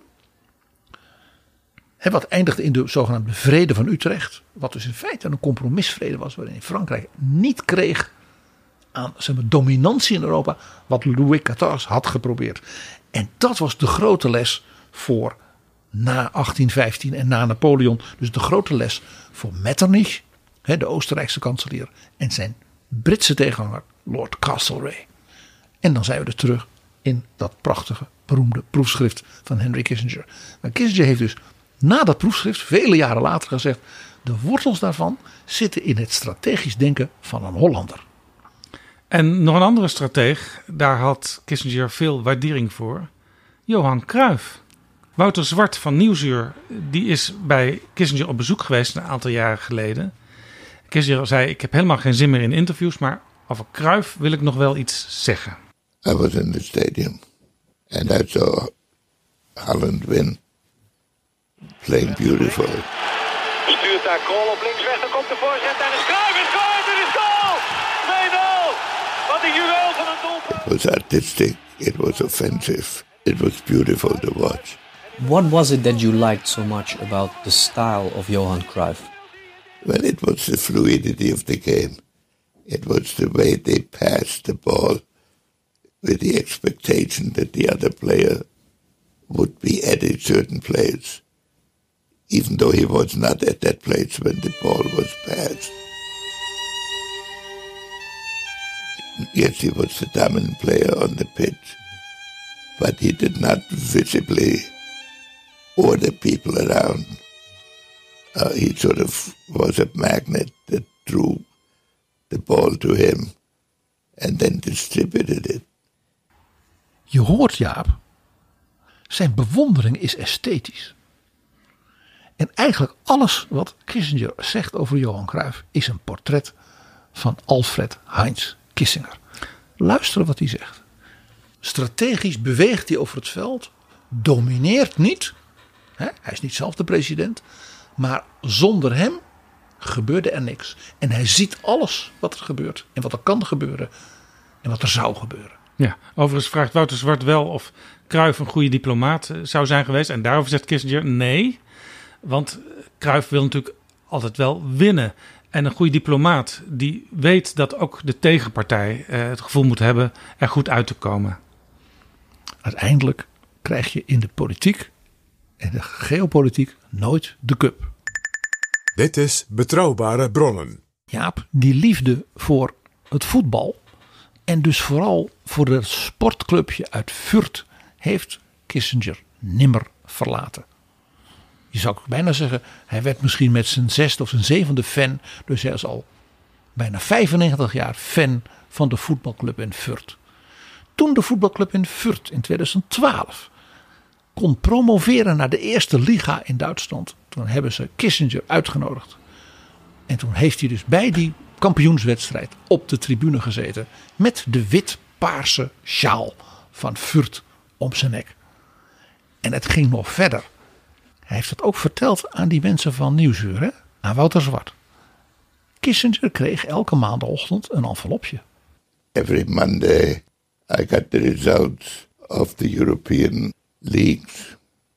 The German embassy sent them to me. And they controlled me that way. If relations were bad, they wouldn't send me the, the results.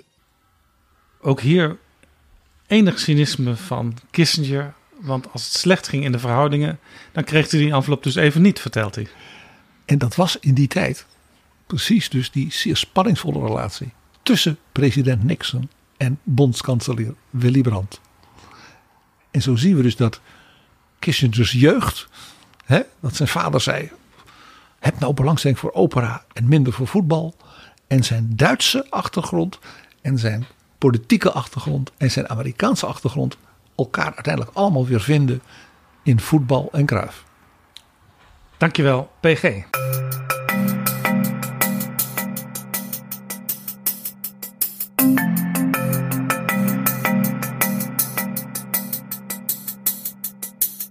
Zo, dit was Betrouwbare Bronnen, aflevering 350. Deze aflevering is mede mogelijk gemaakt door de vrienden van de show. Wil jij ons ook helpen met een donatie? Ga dan naar vriendvandeshow.nl slash bb. En Jaap, net als jij verheug ik mij enorm op de grote groep vrienden van de show die wij deze dagen zullen ontmoeten bij Beethoven in het concertgebouw. En ik hoop op nog veel vaker dit soort mooie dingen met en voor onze vrienden. Woensdag 24 mei in het Concertgebouw. Tot volgende keer. Betrouwbare bronnen wordt gemaakt door Jaap Jansen in samenwerking met dag en nacht.nl.